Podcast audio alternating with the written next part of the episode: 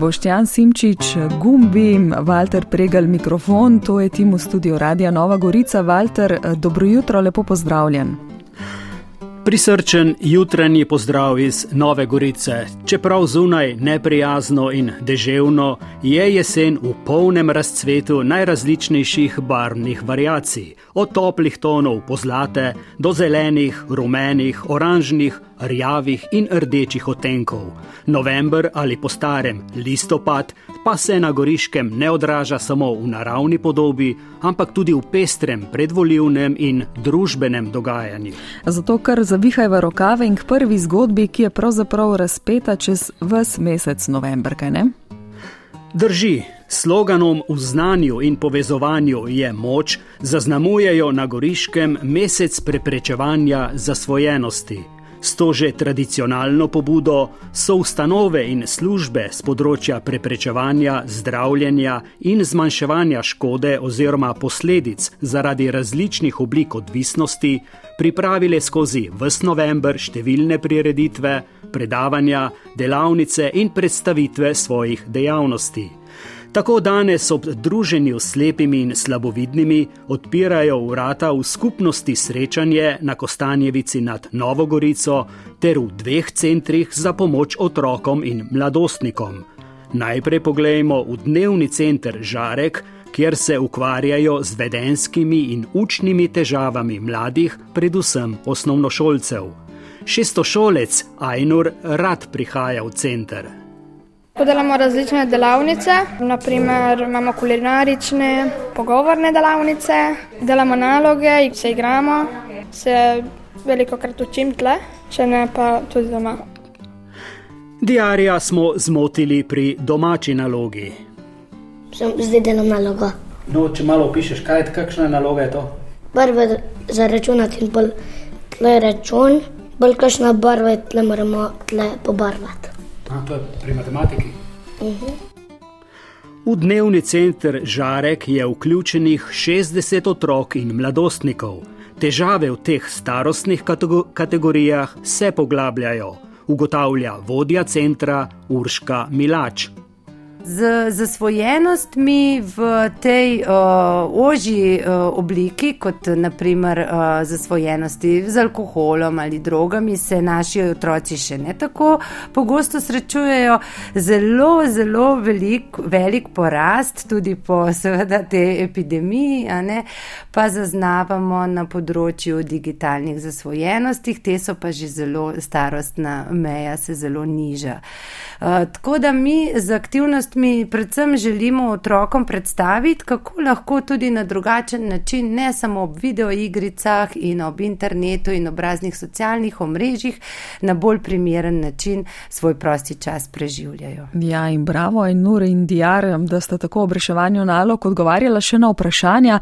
Um, na vse zadnje je pa to, kako predstaviti otrokom možnosti smiselnega in dejavnega preživljanja prostega časa, zelo pomembno, kaj ne, Walter, kajti različnih oblik zasvojenosti je med mladimi kot ugotavlja stroka vse več.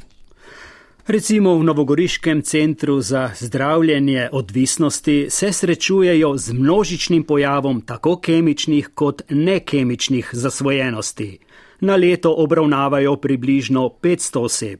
Neverjetno narašča število mladih, ki so zasvojeni s kokainom.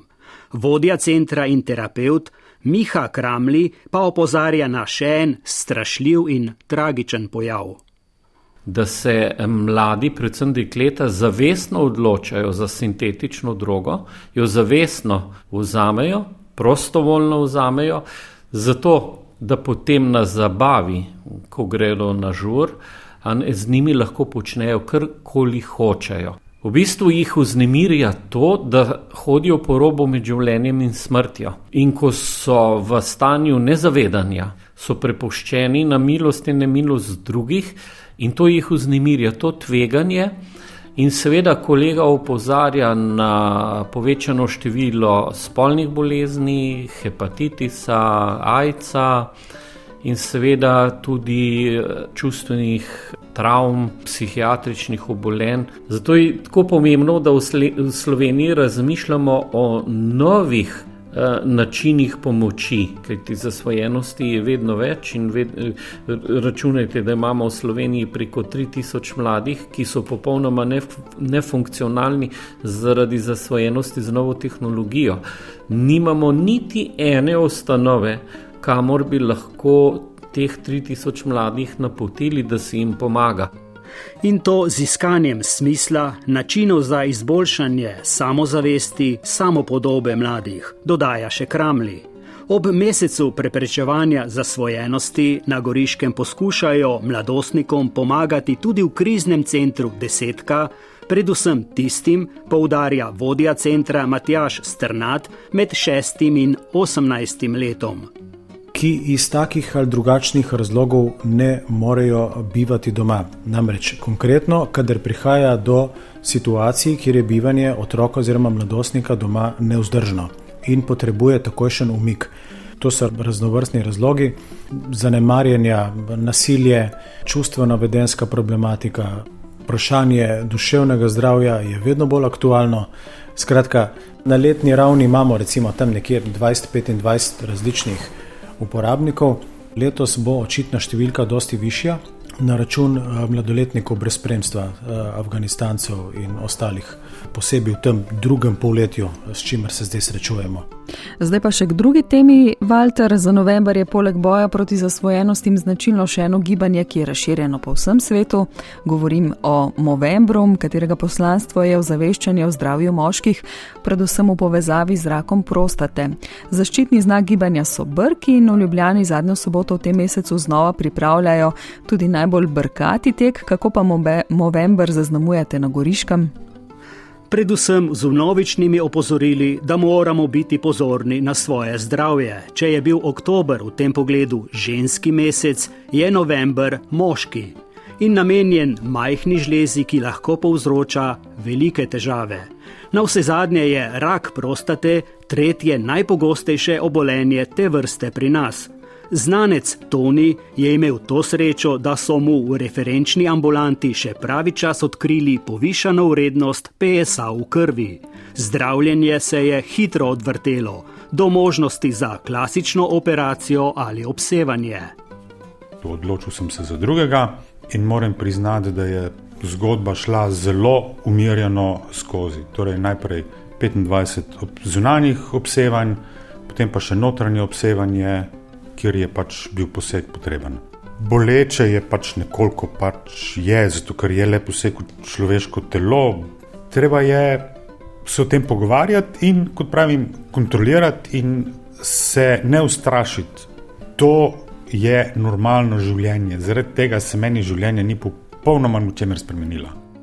Od nekaj manj kot 1600 rakov prostate, ki jih na leto odkrijejo v Sloveniji, doleti ta rak prek 80 moških na Goriškem. S podatki postreže dr. Marko Vudrak iz Nacionalnega inštituta za javno zdravje v Novi Gorici. Umrljivost je manjša, ne bi bilo treba tudi toliko ne. Bila je zadnja, zadnji egzaktni podatki 445 primerov v slovenskem prostoru, medtem ko na Goriškem 30.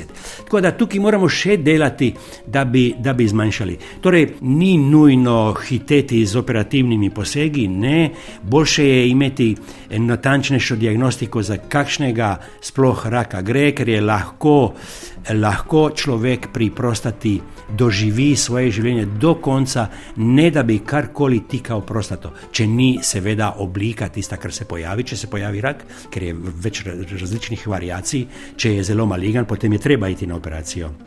Jaz bi apeliral tudi na sekundarni zdravstveni nivo, da več posvetimo pozornosti tenkočutnejšim preiskavam pri moških in da se ne pošilja glih vsakega moškega, ima nekoliko povečano prostato in podmo na operacijo.